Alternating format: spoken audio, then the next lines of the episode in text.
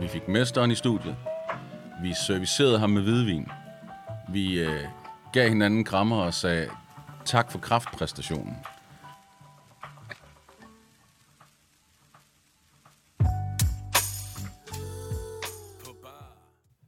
Velkommen til en ny Mediano Music podcast. Mit navn er Jan Eriksen, og denne gang har jeg besøg af Per Vers, rapkunstner, forfatter, performer med meget mere. Velkommen til, Per. Jamen, tusind tak igen. I overført betydning har jeg også besøg af en af vores øh, nationale digtere, nemlig Benny Andersen. Han kunne ikke komme, men han er her. Han er her et eller andet sted, ja. Øh, For det handler om pladeprojektet sidste omgang, der udkommer 21. januar. Og Det kommer vi så tilbage til senere. Det følges også op af en turné med dig og diverse kunstnere. Det er som antydet et øh, fælles projekt mellem Per og Benny. Og jeg tænkte, du måske lige kort kunne beskrive, hvad det egentlig går ud på. Jamen, øh, gennem en fælles bekendt havde jeg for seks år siden, der skal vi faktisk tilbage, hvis vi tager den lange udgave. Og du har jo en øh, blød tidsramme, så ja. Her kommer den lange udgave. Det er fornemt. Vi lavede et projekt sammen, som hed Rødder. Min øh, gode homie Claus Niveau sidder oppe i Nordjylland og er gymnasielærer, og har en kærlighed til sine unger, og til dansk rapmusik, og til digte. Mm. Og hans kære unger bliver ligesom instinktivt lange i ansigtet, når de får at vide, at nu skal de beskæftige sig med poesi, fordi så føler de sig bare fremmedgjort med det samme. Det er noget fra gamle dage, hvor man snakker underligt. Og så spurgte han mig, om ikke vi kunne lave et projekt, hvor han formulerede opgaver, der tog fat i en masse klassiske danske digte, og så var min opgave så at lave en musikalsk side til det. Så jeg fik 10 danske rappere til at fortolke et dansk digt og lave et helt nyt nummer ud af det. Nogle var meget tæt på originalen, nogle var meget frie i deres fortolkning, men det fungerede rigtig godt. Og en af de her unge rappere valgte så Benny Andersen. Mm-hmm. Så vi havde Bennys telefonnummer, hvilket jo ikke er svært, fordi Benny er en mand af folket, så han står i telefonbogen. Og øh, da det projekt var over, så sagde Claus, jeg føler ligesom, at der er et eller andet mellem dig og Benny, som skal udfoldes. Og så gjorde han noget, som jeg ikke selv havde turet, eller tænkt i hvert fald. Han ringede og inviterede sig selv, mm. og tog mig med. Og øh, over en rejemad i privaten i Virum, han boede i øh, øh, Lise, som skrev Matadors gamle hus, det kan simpelthen ikke blive mere øh, dansk øh, finkulturelt. Så blev vi enige om, jamen øh, prøv at høre, hvad nu hvis jeg går hjem og læser dine samlede digte? Den der mobbedreng, som kunne overgået Bibelen i salgstal. Hvis jeg læser den to gange, og der er 900 sider, så det tager lidt tid, og tager nogle noter og sætter nogle flueben og kommer tilbage med en ønskeliste og siger, de her måske 30 digte vil jeg gerne bede dig om at indtale. Og så kommer det store spørgsmål. Må jeg så behandle dig, ligesom jeg behandler musik, vi sampler, når vi er ude og grave i vinylplader og finde lydkilder, der ikke helst ikke findes på Spotify eller på YouTube, men som ligesom er gemt og glemt det, og så laver vi ny musik ud af dem, klipper dem i små stykker i sådan en grad, at ophavsmanden ikke kan genkende dem. Og det skal de helst ikke, fordi så kommer de måske efter os. Ikke? Må jeg behandle det, du indspiller på den måde, så jeg udvælger passager, så jeg skiller digtene ad, skriver mig selv ind i dem, sampler dem, autotuner dem, scratcher i dem, river dem i små stykker. Og der sagde han bare, ja, det må du godt. Så tog det mig to år at læse mobbedrengen og vende tilbage. Så var han nede og indtale, og to måneder efter det døde han. Så jeg var simpelthen nødt til at lave den færdig helt selv. Man kan jo godt sige, at øh, slutresultatet er blevet en samtale, synes jeg, mellem dig og Benny Andersen på mange måder. Jamen, det er jeg da glad for. Altså, øh, jeg vil jo rigtig gerne have, at man på intet tidspunkt tænker, når han har nok fået adgang til nogle arkivoptagelser. Rigtig gerne have, at det lever imellem os, ikke? Da jeg hørte, at der var mulighed for at tale med Per om et øh, fælles projekt mellem dig og den store digter, sprang jeg sådan set på uden at blinke, og også uden at vide, hvad det var. per kan noget med ordene, som meget få andre i dansk, øh, jeg ved ikke, om må jeg kalde det underholdning? Eller Det må du da utrolig gerne. showbiz måske lige frem. Øh, oprindeligt kommer du fra Erling Jebsenland, Gram. Ja. Ja, Søren Ryge er også fra Gram, har jeg lige læst. Ja, det er nemlig rigtigt. Øh, senere medlem af diverse rapgrupper. Den første vinder af MC Fight Night. Og var det to eller tre gange mere, du vandt? Eller? Altså, jeg vandt tre år i træk. Tre år Vi startede, da det var sådan helt undergrund på Stengade ja. 30 for et par hundrede. der hed det de otte bedste, fordi ja. der simpelthen ikke kunne findes flere freestyle-rapper i Danmark, så det var mig de syv næstbedste. Ja, ja. Så den vandt jeg, og så kunne man ligesom se, okay, der er et sindssygt potentiale i det her, med at lade folk battle på improviseret rim. Så året efter blev det til MC's Fight Night, som var meget større og sådan mere galleragtig i sin ja, opsætning. Jeg, jeg synes, jeg kan huske, det foregik i eller sådan. Det går det på et tidspunkt, ja. Det har foregået ind på Planen i Tivoli, og det har foregået i DR's koncertsal, og alle mulige fancy steder. Det var et kæmpe step up for dansk hiphop-kultur på Det den, må man sige, det har været et af vendepunkterne i dansk hiphop-kultur, faktisk. Ja, og noget, vi har haft for os selv. Altså, det findes ikke i USA, og det findes ikke i okay. de andre europæiske lande. Så det er sådan ret særligt. Ja. ja, et eller andet sted meget dansk, på en god måde. Ja. Øh, per har også skrevet flere bøger, kendt fra radio. TV, blandt andet sammen med Niels Havsgaard. Teater har du også været ind over. Øh, vi har lige nævnt øh, Rødder-projektet, eller du har lige nævnt Rødder-projektet. For nylig været på turné med øh, Allan Olsen. Så Ja. Det må have været sjovt. Det var fandme en fed oplevelse. Jeg blev så glad, da han ringede. Ja. Og øh, ja, det var også fedt at opleve, at publikum ligesom kunne se den kobling, som Allan selv kunne se. At vi har to fuldstændig forskellige lydbilleder. Hvis Allan havde været lidt tidlig ude, kunne han godt være min far. Ja. Og forskellige traditioner, forskellige genrer, men der er en ting, der binder os sammen, og det er, at teksterne er vigtige for os. Og den slugte publikum fuldstændig, selvom at rigtig mange af dem sikkert ikke anede, at jeg stod på plakaten, Ja. fordi de var der 100% for Allan. Ja. Så var der rigtig meget lydhørhed. Det var fedt. Et- Slutlig vil jeg lige nævne, at du jo også har været konferencier i mange sammenhænge, øh, og, og, og vi er mange, der kender dig fra Roskilde Festival, som Ja. ham, der står og taler, talte mellem kunstnerne på Orange Scene i en Ja, præcis. er Som et så år, ikke? meget andet er øh, jeg i den forbindelse blevet afløst af en app herinde for de sidste par sæsoner. nu kigger man bare i den, hvis der er Ja, ændringer i programmet. Som Men det var en fed meget. chance, øh, så længe den var analog. Ja, ja, ja, jeg husker stadig øh, dig, Bene Paul McCartney sammen med Suspekt, tror jeg nok. Ja. ja, men altså, Suspekt var jo 100% overbevist om, at øh, Paul McCartney var opvarmning for dem, ikke? Så, Ja, og, og det, det, var- på en måde var han det også, fordi jeg gik faktisk forbi Suspekt på et tidspunkt, da jeg sad og skrev om McCartney. Jeg kunne se, at der var flere, der så det, men McCartney. Jamen, jeg var meget øh, imponeret over den, øh, hvad skal man sige, den tilkæmpede uhøjtidlighed, de gik til opgaven med, fordi de havde gjort det helt rigtigt. De havde forberedt sig sindssygt godt i månedsvis, så da de ankom, der havde de overskud til at betragte det som bare endnu et job. Ja, Ja, vi skal lige op og knippe orange scene, som de sagde. Ikke? Ja, ja, ja. Og så trillede de derop i jalabar og solbriller og bare tog det helt stille og roligt. Det var fedt. præcis, præcis, ja. Jeg kunne godt tænke mig at spørge dig, om Andersen er en forfatter, der har fulgt dig siden øh, den tidlige barndom der i ungdom i Gran.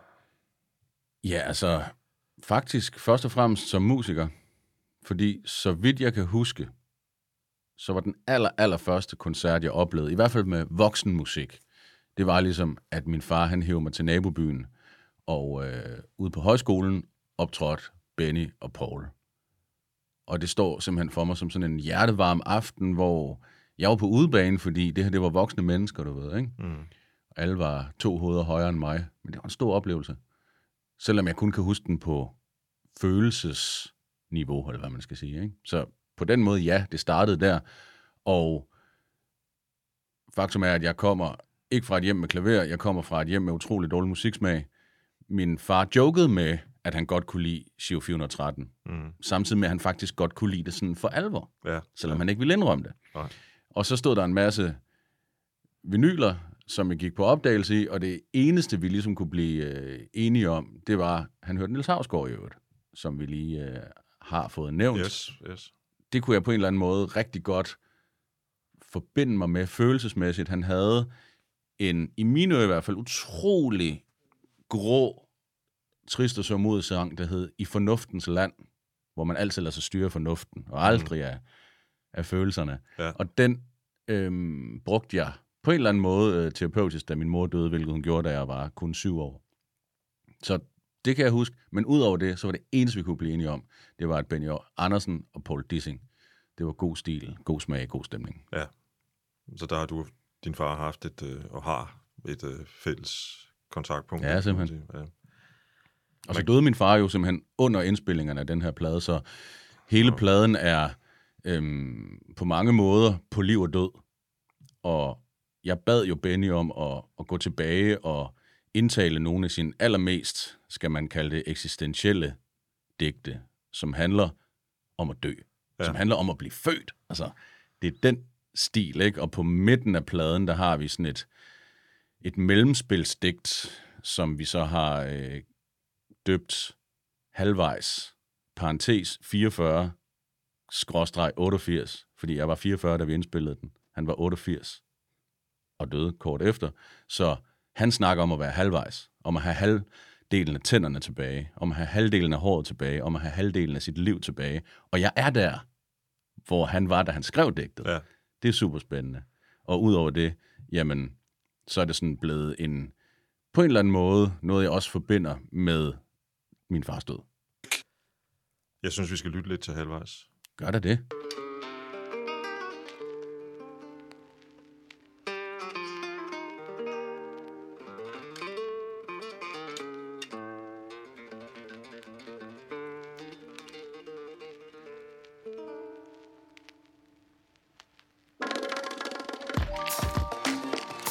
På et vist tidspunkt kan man regne ud, at man kun har halvdelen af tænderne tilbage, halvdelen af håret, halvdelen af livet, og i par år er man afskåret fra at høre græshoppernes lyd, medmindre man i tide indspiller den på bånd, og senere kører den ind på halv hastighed.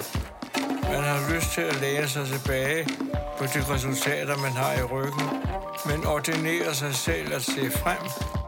Tidligere så man automatisk frem. Nu må man holde sin fremtid i form.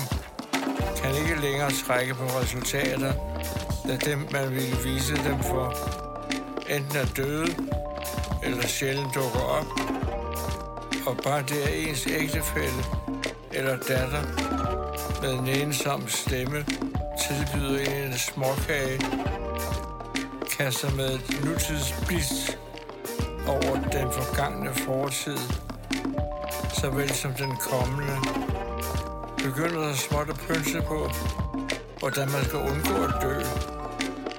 Midt af dage og småkager her i reservatet.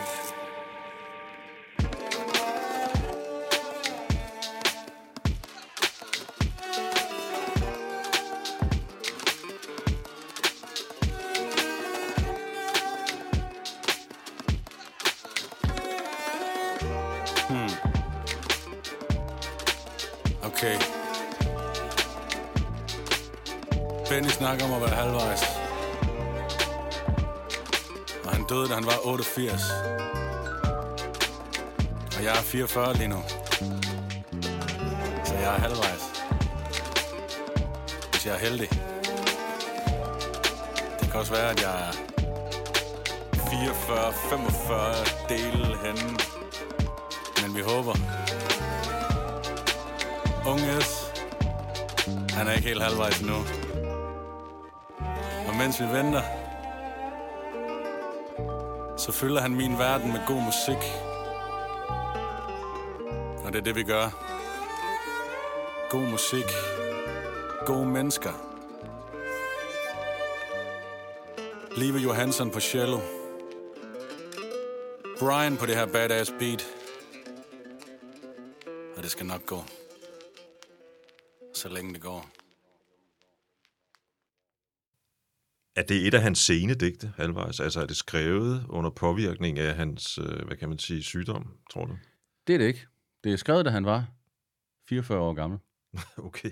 Ja, så er det, Så i det passer ikke, perfekt. Det er det, mm, matematikken er ja, smuk Ja, i det gør det. det endnu bedre, ja. ja, Ja. ja.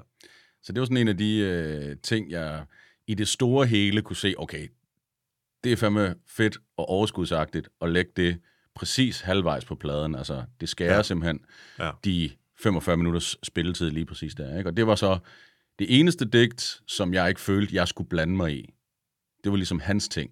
Der får han lige sin solo, om man så må sige. Ikke? Ja. Og så slutter han sig af med det sidste digt i verden. Nu er dette her jo ikke en amerikansk øh, tv-serie, hvor de medvirkende helst skal nå til en erkendelse mod slutningen af hvert afsnit. Men jeg har alligevel lyst til at spørge, når nu vi har lyttet til halvvejs, om, om du er blevet klogere af det samarbejde, du har haft med Benny Andersen omkring det, end du var i forvejen. Jeg synes jo i hvert fald, at han er den vildeste inspirationskilde og den vildeste igangsætter. Forstået på den måde, at vi har lavet nogle sange sammen, som jeg aldrig ville have lavet alene. Altså alle idéerne er udsprunget af hans ord. Og nogle af de ord er nye, nogle af de ord er fra langt tilbage i bagkataloget. Og det har været fantastisk ligesom at skulle tage min vinkel, min nutidige vinkel, på nogle af de ting, der også ligger langt tilbage. Fordi mm. jeg tror, at mange af os, inklusive mig selv, kan gå med sådan en katastrofefornemmelse på øh, samfundets vegne. Vi er nok lige ved at blive fuldblodsracister alle sammen. Kloden er nok lige ved at smelte. Vi er nok mere selvoptaget end nogen generation før os. Og der kan det på en eller anden måde være sådan en bagvendt lindring, at Benny har gjort sig lystig på kostrådenes vegne allerede for 50 år siden.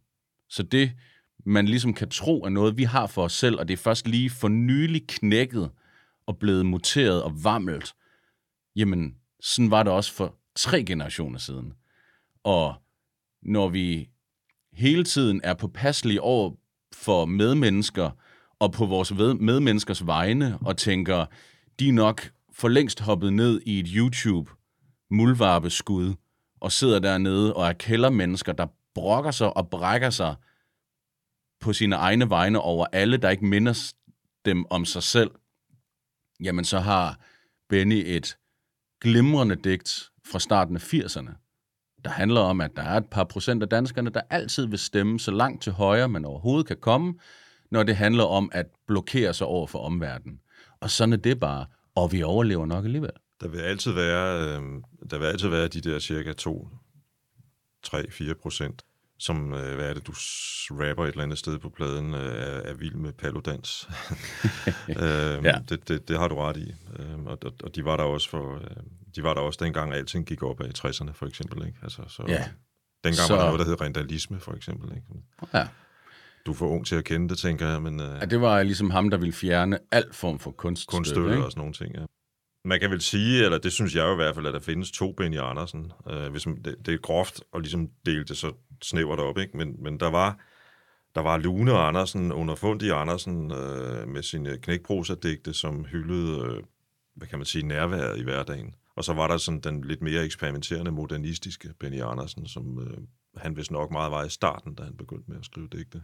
Øh, og et eller andet sted, så synes jeg jo, at, øh, at du, du kommer egentlig, eller I kommer jo egentlig meget godt rundt om alle, hvad kan man sige, versioner af Benny Andersen på, på det her. Var det, var, er det et valg, du har truffet, da du sad og skulle vælge mellem hans utallige øh, digte? Altså, jeg har valgt med maven og diverse andre indre organer, ja. hvad der inspirerede mig. Men jeg tror, Benny har taget den samme tur som for eksempel Dan Turell, der også startede med at være altså nærmest fuldstændig uforståelig og LSD-agtig i sin dækning, og lige så stille blev mere og mere jordnær, mere og mere hverdagsagtig, altså mindre og mindre kunst for kunstens skyld, mere skarphed. Og det tror jeg er simpelthen fordi, når du starter med at udtrykke det kreativt, så har du kun dig selv som spejl, og tænker overhovedet ikke på, at andre skal have noget ud af det. Man er nærmest stolt over, at man har en indre verden, der er unik. Så hvis folk ikke kan forstå det, så er det faktisk et kvalitetsstempel. Mm. Men hvis skæbnen og timingen og talentet og lysten gør, at man er udadvendt, man vil inderst inden gerne i kontakt med andre mennesker, man tager ud og optræder med det, man får feedback, man vibrerer sammen med andre levende kroppe, jamen så begynder man lige så stille at få den frekvens ind i sine ting. Og det tror jeg var det, der skete for Benny Andersen også. Så man kan sige, den anden skildring, jamen det kan man også sige, altså det er mellem ham, der ikke er for fin til at hygge sig, og til at besynge et morgenbord sammen med folk, man godt kan lide, versus ham, som var meget mere end, at kaffen lige om lidt er klar. Der er en sang på pladen, som hedder Dobbelt Depresso. Mm. Det er hans anden sorte drik, som han også vedkender sig er en del af ham, og den er altså virkelig sort. Stille eftermiddag over to kopper depresso.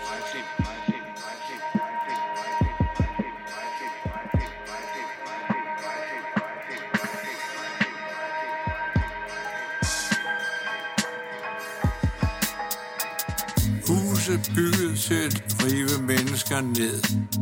Motorveje, der smækker landskabet over bivejene. Folk, der gør godt i det skjulte, og håber, der snart bliver afsløret. Kan du ikke se det? Folk, der klæder sig om til gallertrafikulykken. Hus nu rent undertøj til skadestuen. Hænder, der veksler underskud. Pegefinger, der peger på hinanden. Ord, der garanteret ikke smitter af. Kan du se det? Tak, to depresser. Her i landet er der altid 45 grader. Hvis du skruer på det, er du landsforræder. Altså 45 grader synsvinkel. Skråt ned i brædderne. Ikke stige graderne En facer prøver at bryde isen Men jeg holder kursen, prøver at nyde flisen. Det er den lokale nedkøling. Holder min depresso med finger uden føling. Ah, Det kan være en downer. Være Københavner Nogen tilbyder mig venligt en uppercut men jeg har fået lagt et syrligt drop Ingen sukker i, du behøver ikke at røre Tak fordi du ikke spørger Det er ikke bare et forkert ben ud af en forkert seng Der har stået der lidt for længe Men en forkert krop ud af en forkert dør Hvorfor er det altid de forkerte, der dør? Altså de rigtige. Hvorfor er det aldrig de forkerte, der dør? Selvom jeg er modstander af død. Og hvad skal der blive af børnene? Selvom de skulle slippe fransk gennem maskineriet, bliver det alligevel voksne hele bundet. Nej, man kan ikke stole på nogen mere. En gang på sig selv.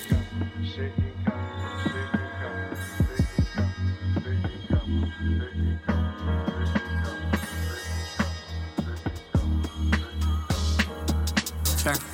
To depresser.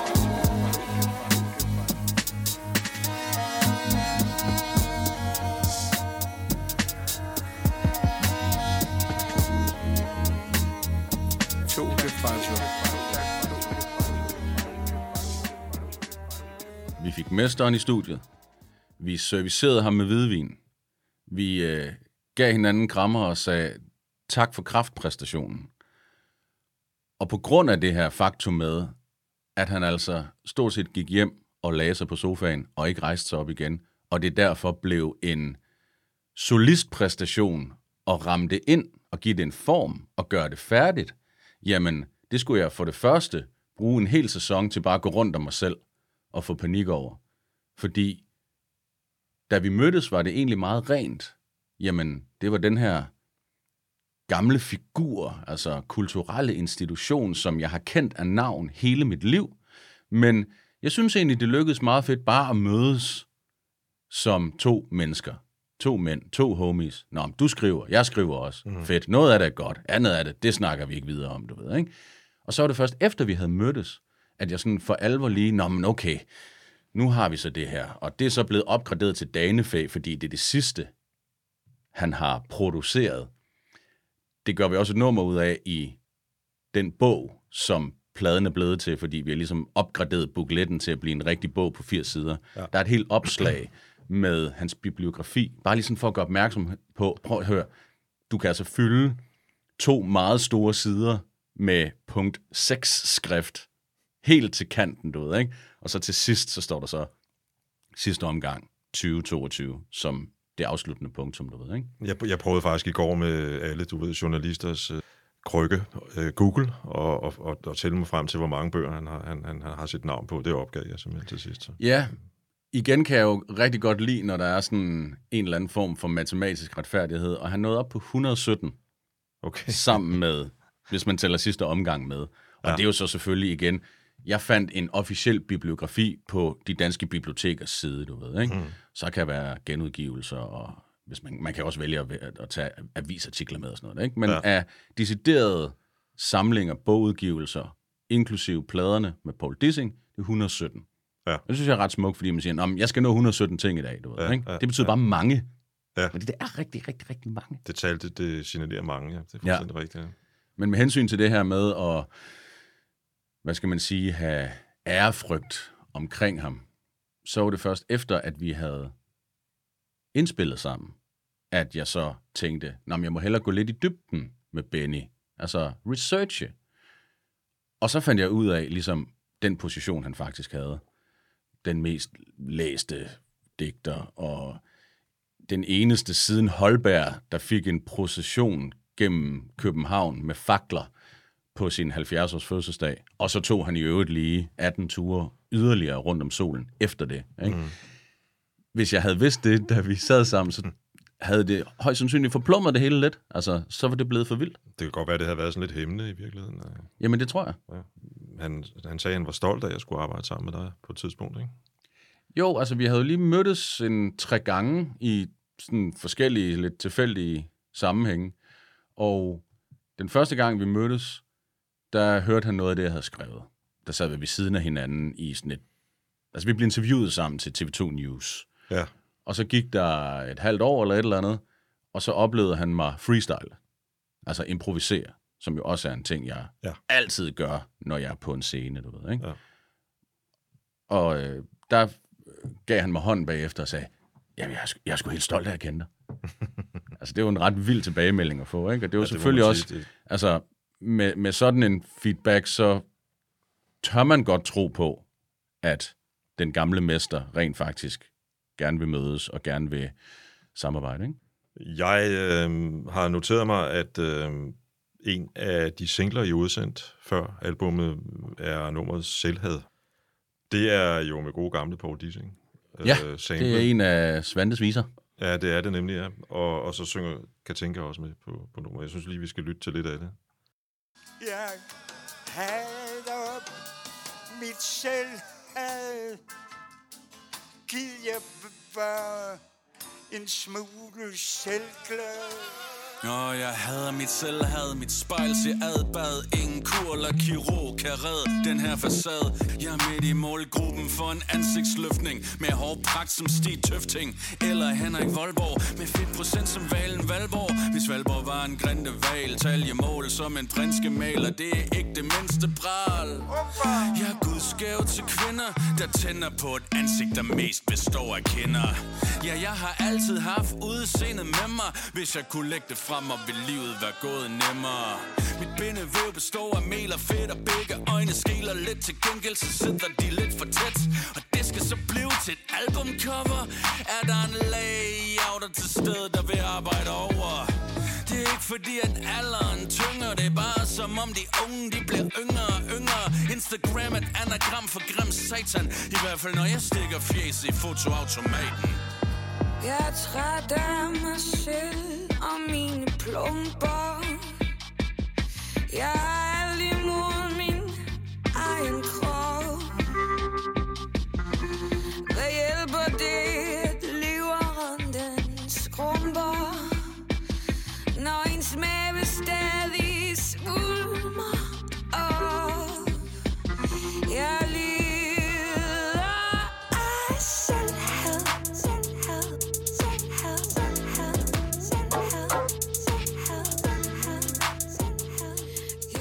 På den ene side øh, virker det meget sådan personligt og, og oplevet og erfaret, og på den anden side er der nok også sådan lidt, øh, lidt sjov i det, i det ikke? Altså, man, man bruger det lidt sådan ironisk, eller hvad man nu skal kalde det. Man kan i hvert fald sige, at det bliver mindre farligt ved at benævne det ved navn. Mm. Ved, ikke? Altså, Lord Voldemort er mindre farlig, når man kalder ham Lord Voldemort, i stedet for, du ved hvem. Ikke? Han, mm. der ikke må benævnes. Så for at bruge et meget moderne udtryk, så synes jeg, at den her sang har været empowering for mig. Fordi der er rigtig meget rapmusik, der handler om at finde sit bedste jeg, og finde sin selvtillid frem, og putte den helt frem i brystet, og sige, jeg elsker mig selv, og jeg er for vild, og I kan ikke sige mig imod, fordi jeg kan bare mærke, hvor vild jeg er, jeg er så fuld af energi. Noget, ikke? Men hvad så, hvis man mærker det modsatte? Og hvad så, hvis den evige strøm at den type udsagn rammer en på den modsatte måde? Ikke? Fordi det er jo det her med, at vi kan inspirere hinanden ved at gå forrest, ved at være fuld af initiativ, ved at vise det, vi kan frem, og så videre. Du ved, ikke? Og nogle gange, så tænker jeg, jamen, ham, der hele tiden putter sine nye indkøbte biler, sit mærketøj og sine kontanter i Gucci-tasken frem, siger, I'm inspiring my surroundings. Ikke? Mm. Han vil vise dig noget at stræbe efter. Ja, ja. Det er sådan stræbemusik.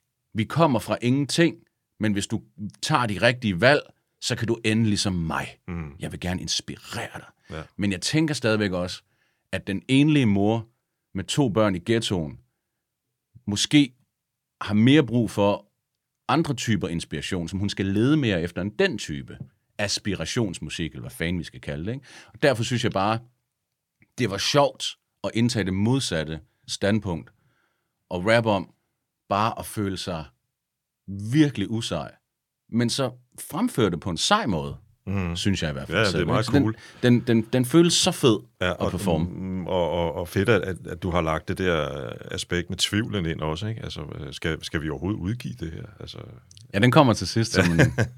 som sådan en lille krølle på det Ja. til sidst, ikke? Og, og, og jeg synes jo et eller andet sted, at når du, du snakker om at inspirere, den, jeg fandt lige en uh, YouTube-video, med, som er bygget på nummeret, eller som er filmatiseret Ja. omkring nummeret, ikke? Og, og i øvrigt også med deltagelse af, af, af Paul Dissing. Øhm, og, der kan man vel også tale om, at det på en eller anden måde er, er, er inspirerende. Jeg ser det som, igen, med den her dobbelttydige ting, at det er, det er lidt satirisk, men, men et eller andet sted har det jo også en pointe, ikke? Altså, øh, en, kan man sige. Ja, men det har en klangbund af fuldstændig ægthed. Altså, Ja, jeg kan have det sådan. Og det tror jeg, vi alle sammen har på daglig basis. Og nogen har det kun i millisekunder. Og andre kan have det i halve timer, du ved. Ikke? Men vi kender det alle sammen, og det kan dukke op, og nogle af os lærer at navigere, og lærer at se, men, hvad trigger den der underskudsfølelse, og man lærer at sortere i sine egne handlinger, og nogle gange så er det også det her med toksiske venskaber, du ved, ikke? at når man er sammen med dem, så får man det sådan der mm. jamen, så kan det jo være fantastisk ligesom at holde sig for sig selv, og lige så stille lade nogle andre former for samvær blomstre op, og så videre, og så videre, og så videre. Men faktum er, at den der med at stå i en sammenhæng og tænke, alle de andre, de har den. Alle de andre er sikre i sig selv. Mm. Alle de andre er lykkeligere. Alle de andre elsker hinanden mere. Det har vi om ikke andet mødt som teenager, ja. da vi var ved at blive bygget Mm. og så er vi måske en lille bitte procentdel, som har lært at komme videre end det. Jeg er ikke videre end det. Jeg hopper i. Ja, ja, ved du hvad, øh, det synes jeg jo egentlig et, eller andet sted også, den video viser ganske fint, ikke? Det der med, det der, det der spil mellem, at, at man sidder og gør sig lækker til Instagram, øh, og, og så fjerner jeg lige øh, baggrunden, og så, så sidder man bare af sig selv, ikke? Altså, Ja. altså, jeg tror, der langt de fleste af os, øh, du ved, et eller andet sted, der rapper du jo også, at, øh, at øh, du har ikke bare Rand under øjnene, du har Randers under øjnene, ikke? Og det, det, det har jeg også, ikke? Og derfor sidder jeg der også og fifler med nogle filtre en gang imellem, når man skal have lagt et eller andet PR Det er for det, man render rundt Så menneskeligt, altså. Ja, øh, jeg tror jo, at det, det er ikke bare Randers for mit vedkommende, det er rensningsanlæg eller noget, der retning.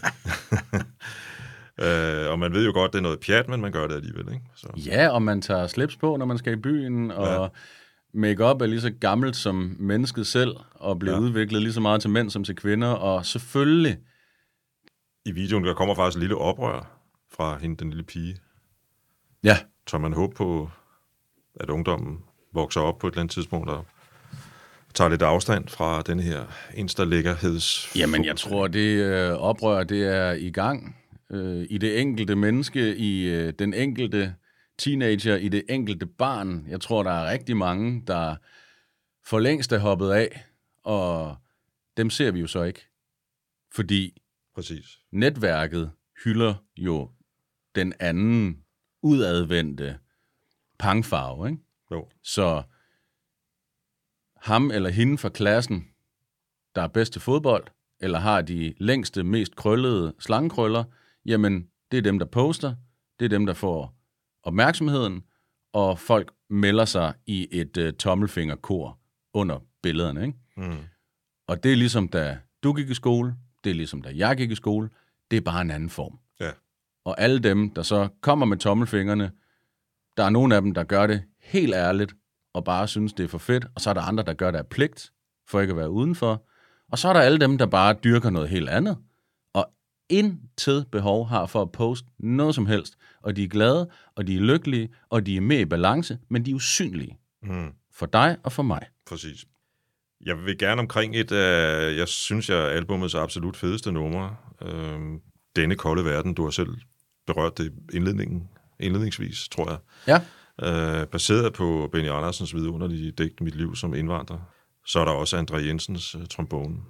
Ja. Virkelig fed jazzet feeling, I har lagt ind i nummeret, eller du eller din medproducer har lagt ind i nummeret der. Ja. Øhm, det, der er det geniale ved det her digt, det er, at det ser genialt, og det er et lidt, øh, lidt svært ord at håndtere, ikke? men jeg vil gerne bruge det her. Det er, at det ser livet fra det helt nyfødte barns side. Og jeg synes lige, vi skal lytte lidt til det, inden vi taler videre. Det var en mørk og kold novembermorgen, jeg kom til denne verden. Lille frysende indvandrer i Norden. Fordrevet fra mit tropiske hjemsted med en middeltemperatur på næsten 38 grader i skyggen, hvor jeg trygt kunne bade dag og nat i mit lille lune 2 liters ocean. Alt var her og behøvede ikke at forstås. Himmel og helvede skælvet En smelfed basunengel Spillede en jingle. Gletsjeren kælvede Et atom blev spaltet. Jeg faldt ud af verdensaltet Jeg havde haft en fest i sausen Ind i mausen. Nu er jeg ude i kulden Og de slår en knude på navlen. Det sker hver sekund året rundt Et barn dukker frem. I dette bitte sekund Der var det mig der var ham. Så smæk mig i min røv Og knib mig i min arm. Jeg skreg og skreg, arm, arm, arm. Jeg kunne ikke udtale Amnesty International. Men det havde heller ikke hjulpet. Amnesty eksisterede ikke dengang. De overskrider skille personlige grænser Kold gys, et lys, så skarpt at man kan brænde sig De tørre renser af det her magtpis Virkelig almindelig lægepraksis De gør mig rød som en marxist Det her det er for tæt på Arktis jeg vil kravle tilbage min bagle bag mors navle Men de har lukket for min private spag Der er ingen vej tilbage Ay, hvorfor må jeg ikke bestemme noget? Det er trods alt min fødselsdag Forsiger chokket, da jeg med et blev udstødt af mit tropiske paradis på Rigshospitalets fødegang. For mig var det hundekoldt, splitter nøgen, som jeg var. Et iskoldt og knaldtørt helvede. Og så de højt råbende stemmer på et uforståeligt sprog. Hvidklædte kæmper vendte bunden i vejret på mig. Gav mig et dask i min arme mås. Hjælp, tænkte jeg. Nu er du ude med mig, tænkte jeg. Jeg havnede blandt de vilde, tænkte jeg. Altså mærkeligt, at jeg skreg. Og jo mere jeg skreg, jo højere råbte de. De slog sig om mig, da jeg blev fordrevet til denne kolde verden.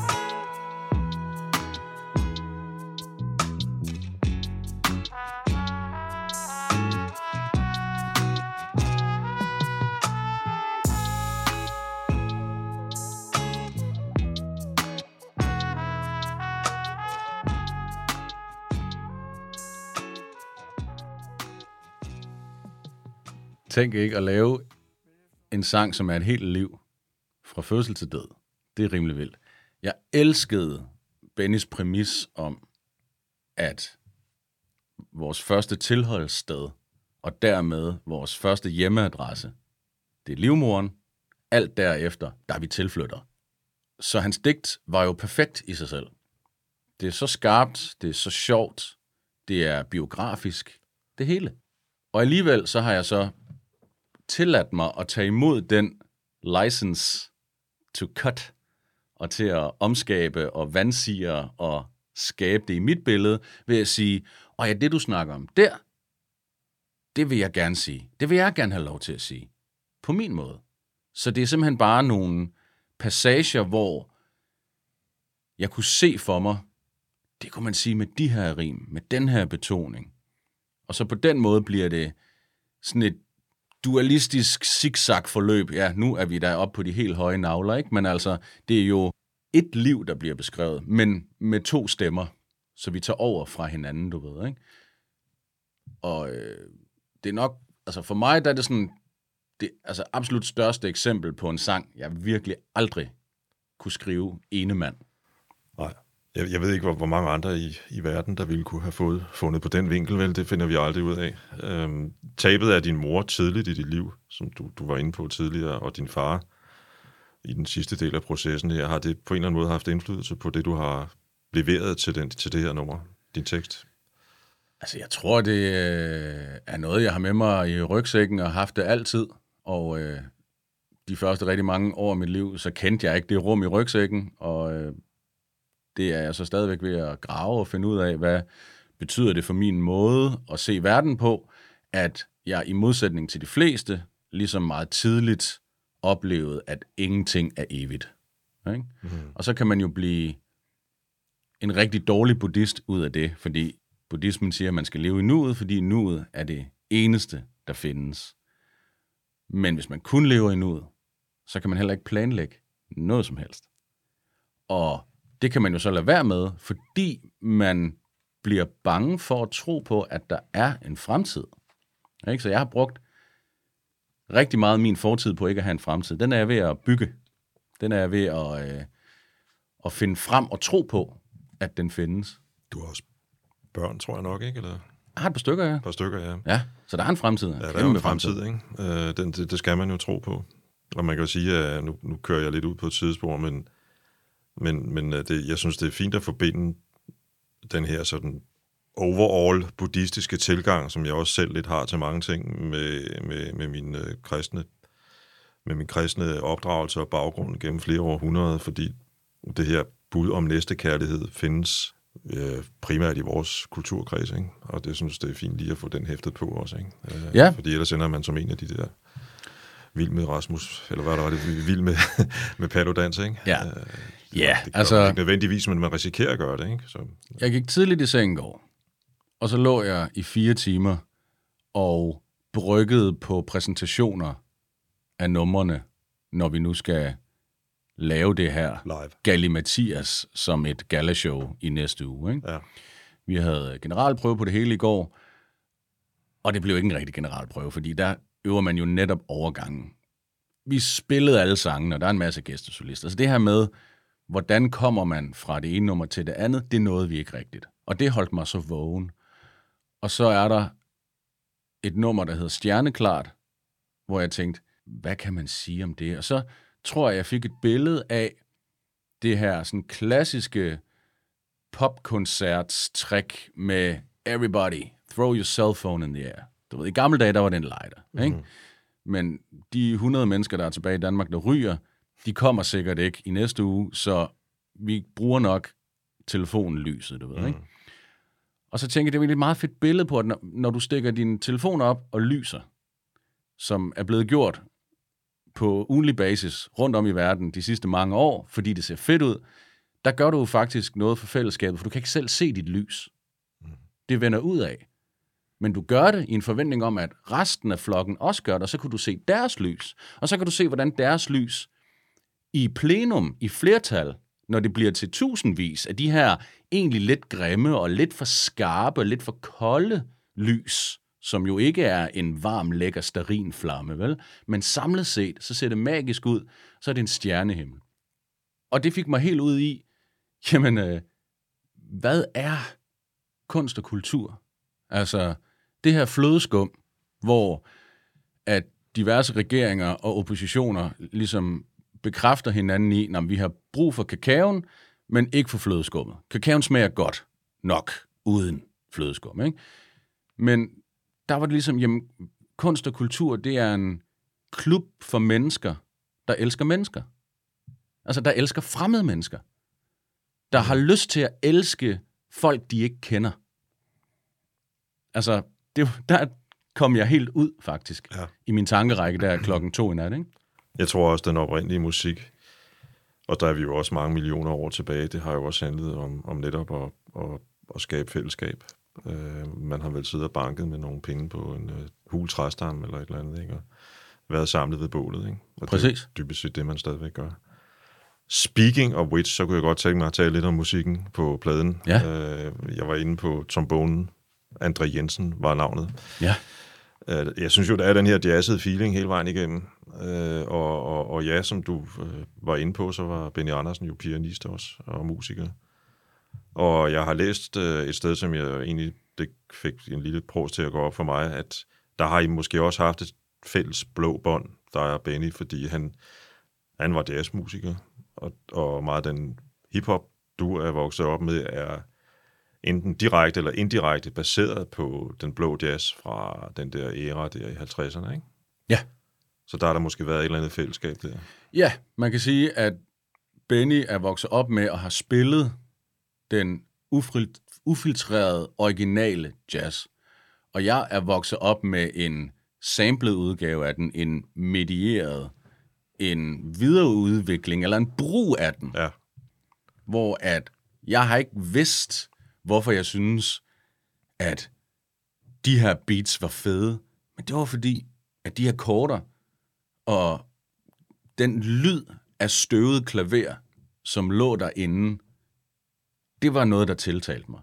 Så på den måde, så er det sådan to generationers syn på nogenlunde det samme. Og igen det her med, at jeg var nødt til at gøre det færdigt uden ham. Jeg kunne ikke sende ting til ham. Jeg kunne ikke få en opringning eller en mail tilbage om, det der synes jeg er rigtig godt, det der synes jeg kræver en omskrivning. Jamen, så var det sådan en helt klar overskrift for mig. Vi skal på en eller anden måde have en jazzet dimension ind i det. Mm. Og jeg tror rigtig mange, jeg er glad for, at du ser det og siger det, jeg tror, der er rigtig mange, der ikke nødvendigvis tænker på jazz, når de hører sidste omgang. Fordi det er stadigvæk hip-hop beats. Det er mm. stadigvæk 2022 mm. i lyden. mm. Men der ligger rigtig meget jazzinspiration derinde, fordi Benny er en jazzman, og jeg var nødt til at lave noget, som jeg af et ærligt hjerte kunne tro på, at hvis han hørte det her, så ville han synes om det. I, I de bedste af hans digte var der jo også musik. Altså, han, han var jo en musisk digter. Øhm, Det var ret vildt mange af de ting, han læste op, fordi han øh, leverede jo sin vokal som det første. Der var ikke noget musik, han kunne forholde sig til endnu. Det nåede vi ikke. Mm. Det var igen, jeg havde jo håbet på, at det skulle være en fælles proces, og man jammede sig frem til noget helt fælles, du ved ikke? Men det blev altså stemmen, og alt det andet er kommet på efterfølgende uden ham. Det, der var ret vildt at bemærke, det var, at man kunne tage hans oplæsning, og så kunne man sige, nå okay, det der digt, det kører i 88 beats per minute. Man skulle bare lige finde frem til det.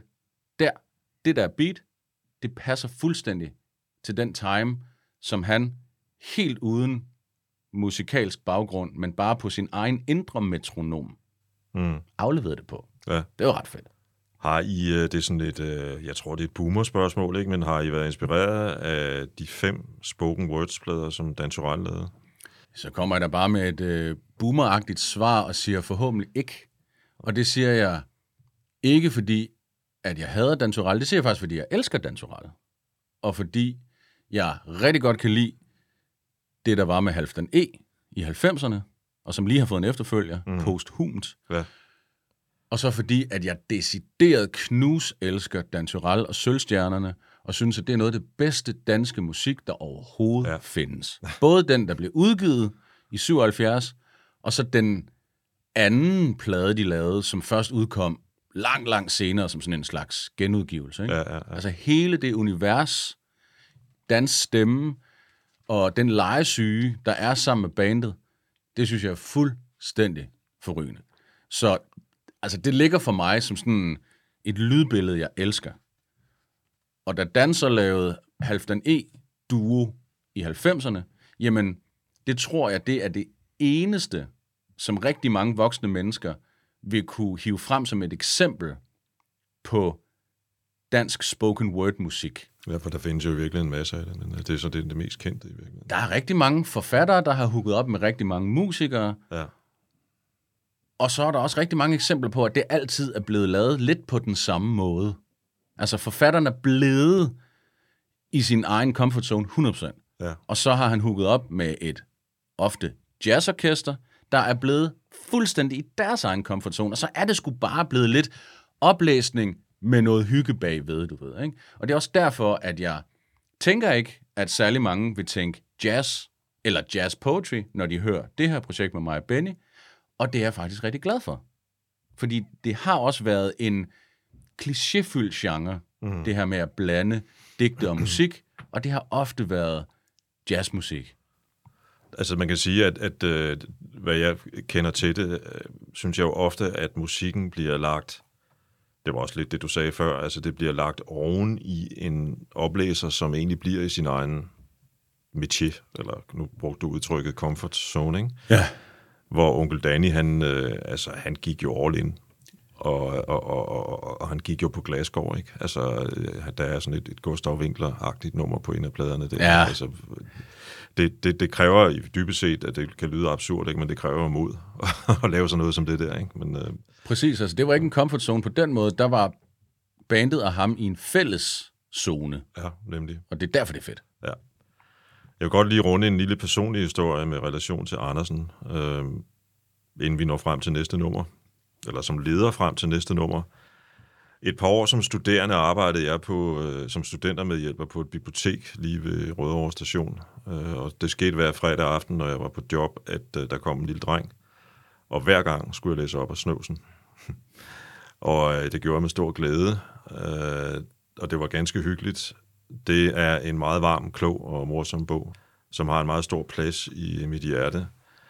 Mange år senere øh, bor jeg så i øh, Bagsvær, Skråstrej Lyngby, og i en periode, inden jeg blev så klog, at jeg begyndte at cykle, så tog jeg hver formiddag linje 191 ned til Lyngby station, og i den sad Benny Andersen meget ofte på vej fra det hus, du nævnte i begyndelsen, på vej ind til Lyngby station.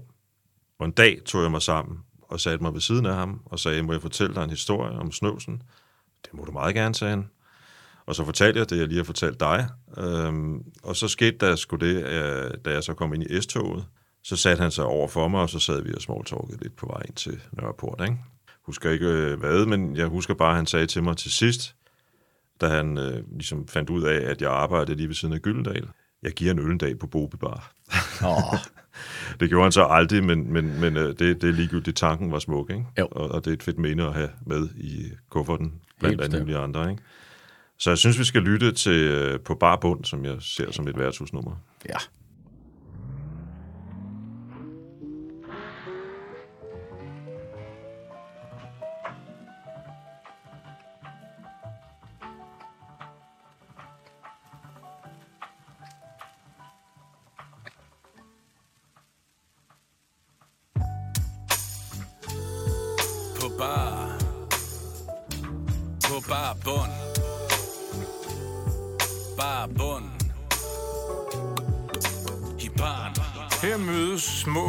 Store stemmer. I barn Børn af uønskede forældre om et overbefolket klaver. Så vi bund og bajer i en bevægelse Som en besværgelse. Med en smag i munden af metal og blod og ærgelse. Nogen giver en omgang Og snik snakker oftest om ting der går i tomgang Som et hit med Shaka Loveless. Herfra og hen til døren er der under to meter Men derud bliver man delt i dinosaurer og kometer. Så vi bliver herinde som potentielle poeter Der plotter og planerer Om ting der aldrig sker. Drømmer om håndtag, tykke breve og drægtige telefoner. En tilværelse med skub på. Hvorfor bo i et kamera med køkkenadgang? Tapetseret med børnehjælpsdagens nittelodder. Koldt styrtebad som hobby. Og når søvnens plaster rives af, finder man dagens afgrund under sig.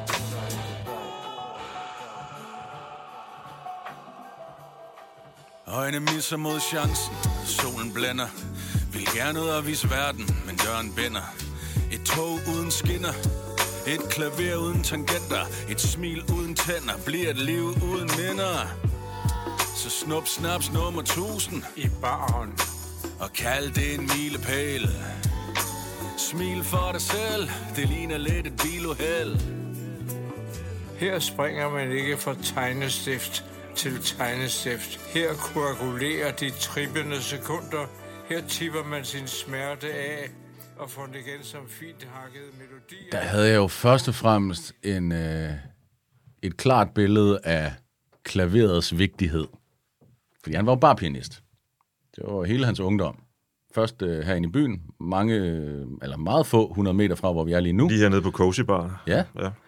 Og øh, derefter i Norge og så videre. Altså, der var han jo virkelig bare pianist og lærte øh, tidens toner og top 50. Mm. Og sad bare og jammede over i hjørnet på ja. et lille hvidt flyl. Ikke? Ja.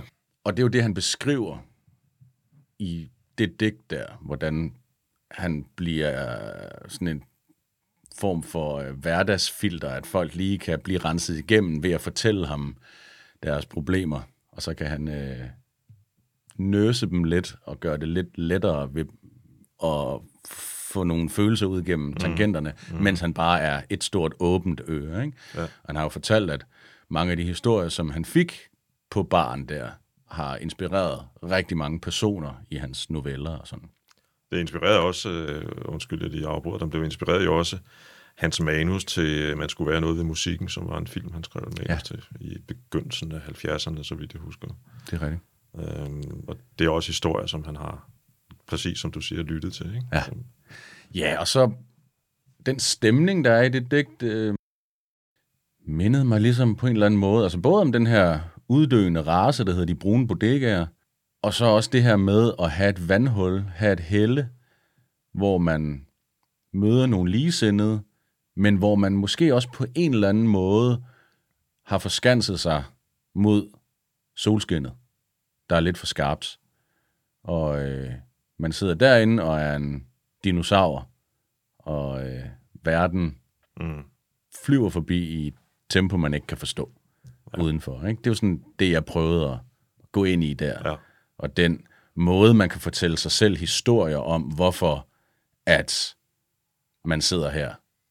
Enten fordi det er frivilligt, eller fordi det er rigtig synd for mig, eller fordi jeg bare lige sidder og skal have en sidste øl, inden jeg går ud og ændrer den der verden, der er gået helt at lave. Ikke? Mm.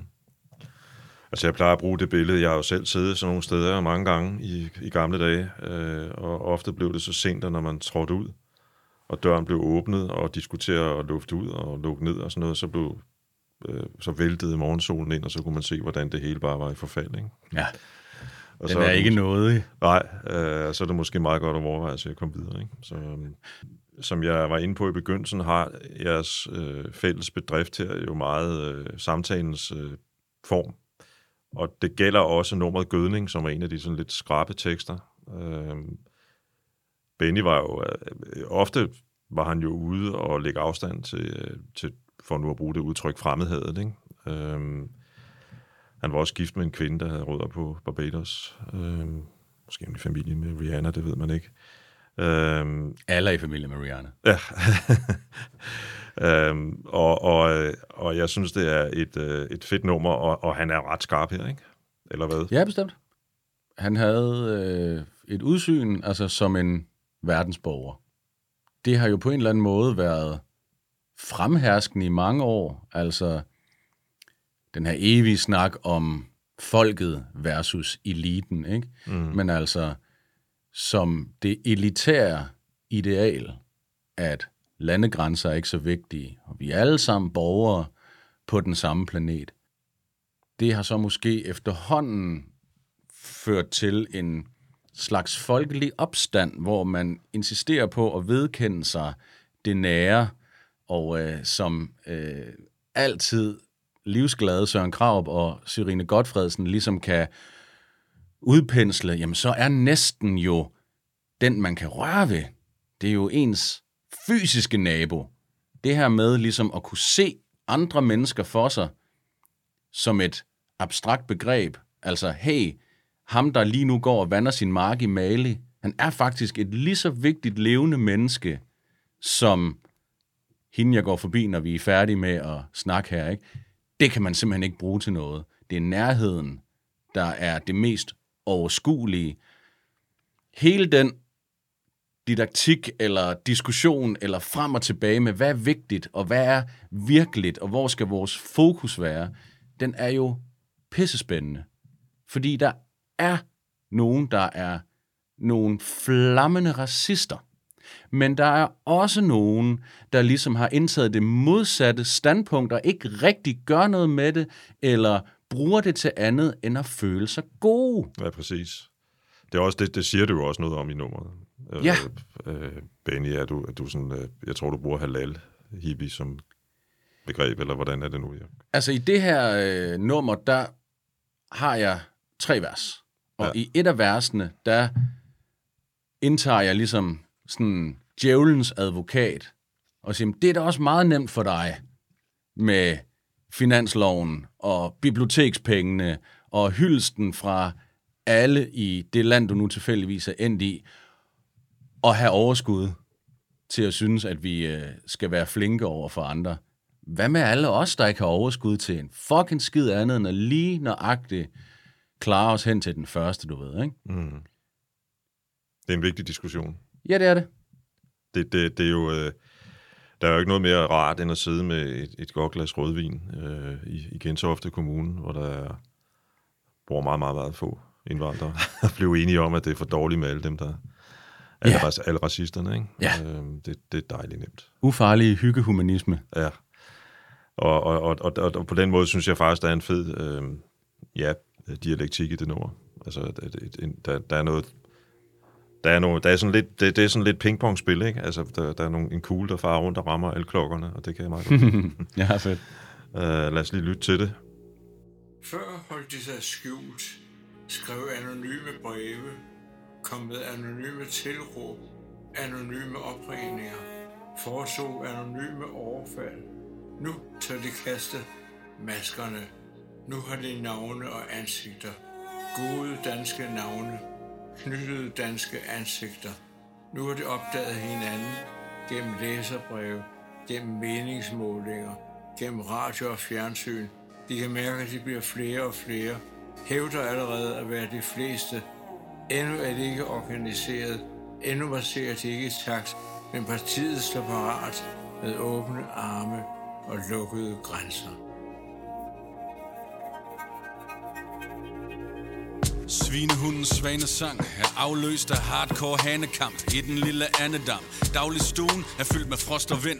Giv ondt i maven som en strikkepind mod fosterhinden. De siger, jeg behersker mit tungemål, men jeg har lyst til at erstatte alle ord med et jungleskrål. De trutter i trombonen, civil med paludans, mens de skændes om det også hedder dansk vand i andre lande. Det grove løjer.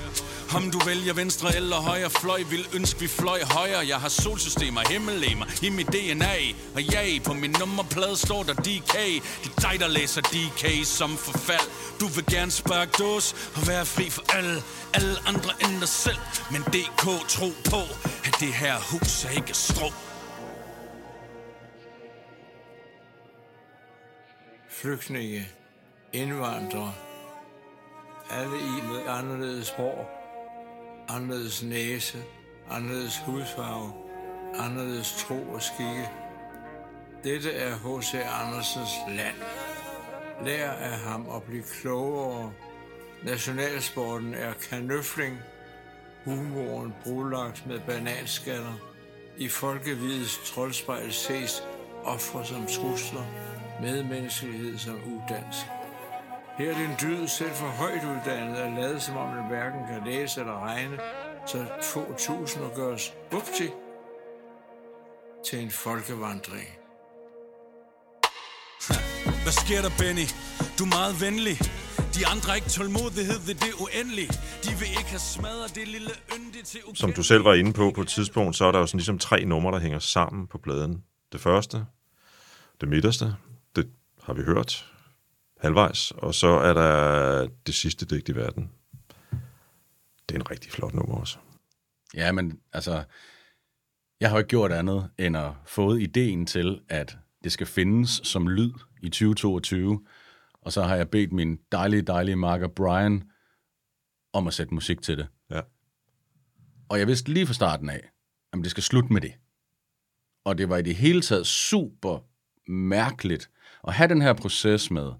Vi starter med at have mesterens magiske vokal, 90 minutters tale. Hvad skal man gøre med det? For at kunne komme i gang, så var jeg nødt til på en eller anden måde at høre det. Det er jo musik i sig selv. Det er jeg jo overbevist om. Det er jo derfor, jeg rapper. Mm. Det er jo fordi, jeg mener, at stemmen er musikalsk Ja, det er dit i sig selv. Også og selvom at du ikke benytter dig af toner. Gammeldags udtryk, ja. ja. Ja. Men jeg skulle høre det sammen med noget musik, der anslog en stemning, som ramte det, han sagde, og som kunne være et rytmisk tæppe for, at jeg kunne komme i gang med at skrive. Så Esben og Brian satte sig ned, og på en uge havde de ligesom jammet skitser frem til det hele. Vi sad bare i studiet en hel uge i træk, så var der lydbilleder til alle digtene. Så er der blevet arbejdet sygt meget mere videre med det i detaljer, men alt det her, det opstod på nu.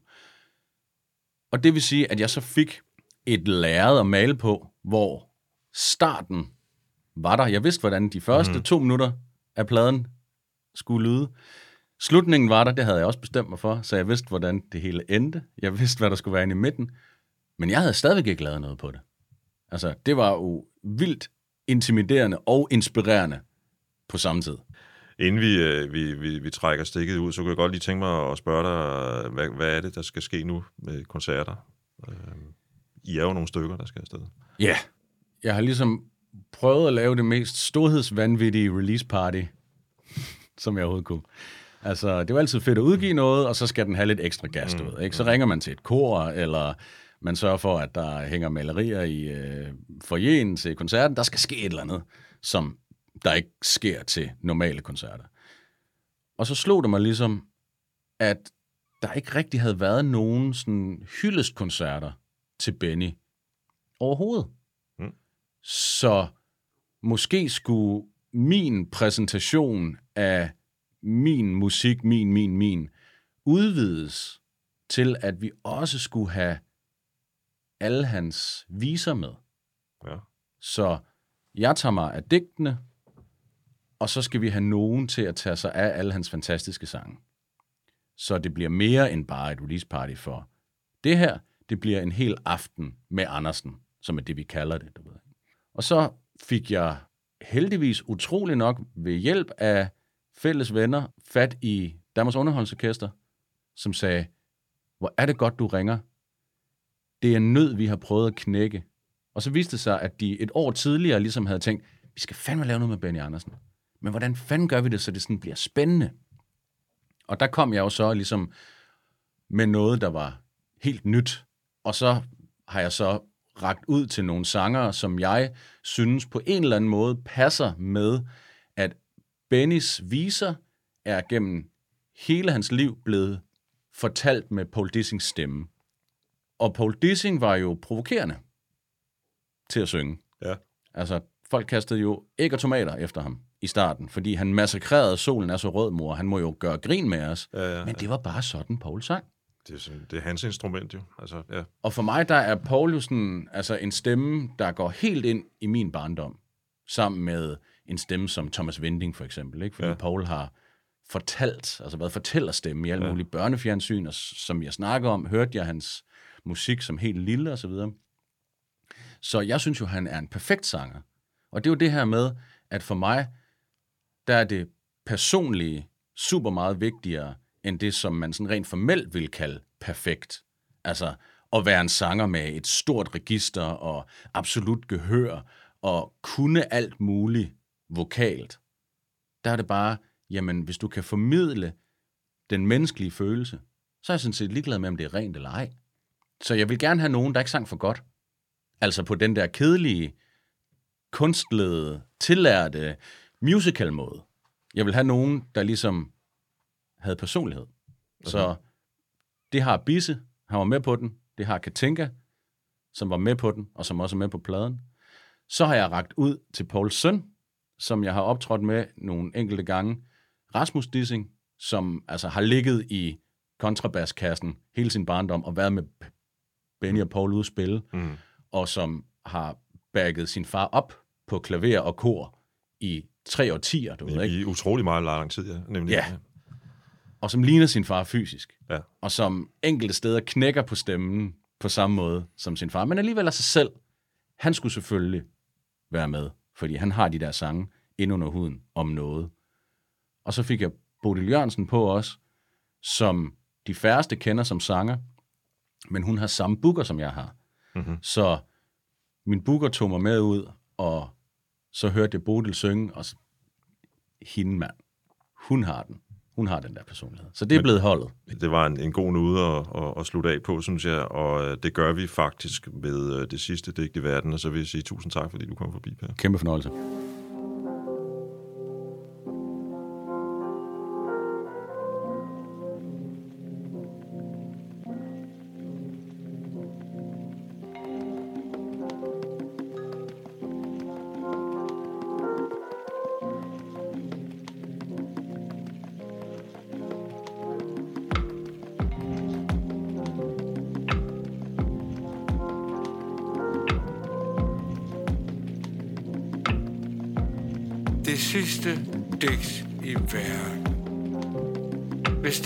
Sidste digt i verden, ville jeg gøre det så langt som muligt, uendeligt langt, men sætte farten ned på de sidste par linjer. Hold op lidt før det sluttede, af angst for at styrte ud i rummet, eller jeg ville lægge mig ned og mave mig ud til kanten, have mig godt fast i de yderste ord, og forsigtigt læne mig ud over dybet, hvor alle digte ender, og prøve at kigge ned under digtet. Benytte den sjældne anledning til at se et digt på vrangen. Og tænk, hvis det så viste sig, at det var det første digt i verden. Så ville jeg på fluemanér bevæge mig hen over denne underflade. Klamre mig til ord for ord. Jeg kunne det hele udenad. Og når jeg er færdig med sidste linje, prøve at komme ovenpå igen. Hænge og sprælle og puste lidt. Vride mig op over kanten. Dukke op i første linje i dette digt eller et helt andet sted. Hvis dette var det sidste digt i verden, ville jeg nægte at tro det, eller udskyde det til senere og tage fat på et andet. Hvis dette var det sidste digt i verden, ville jeg nægte at skrive det. I hvert fald holde op så hurtigt som muligt. For eksempel her.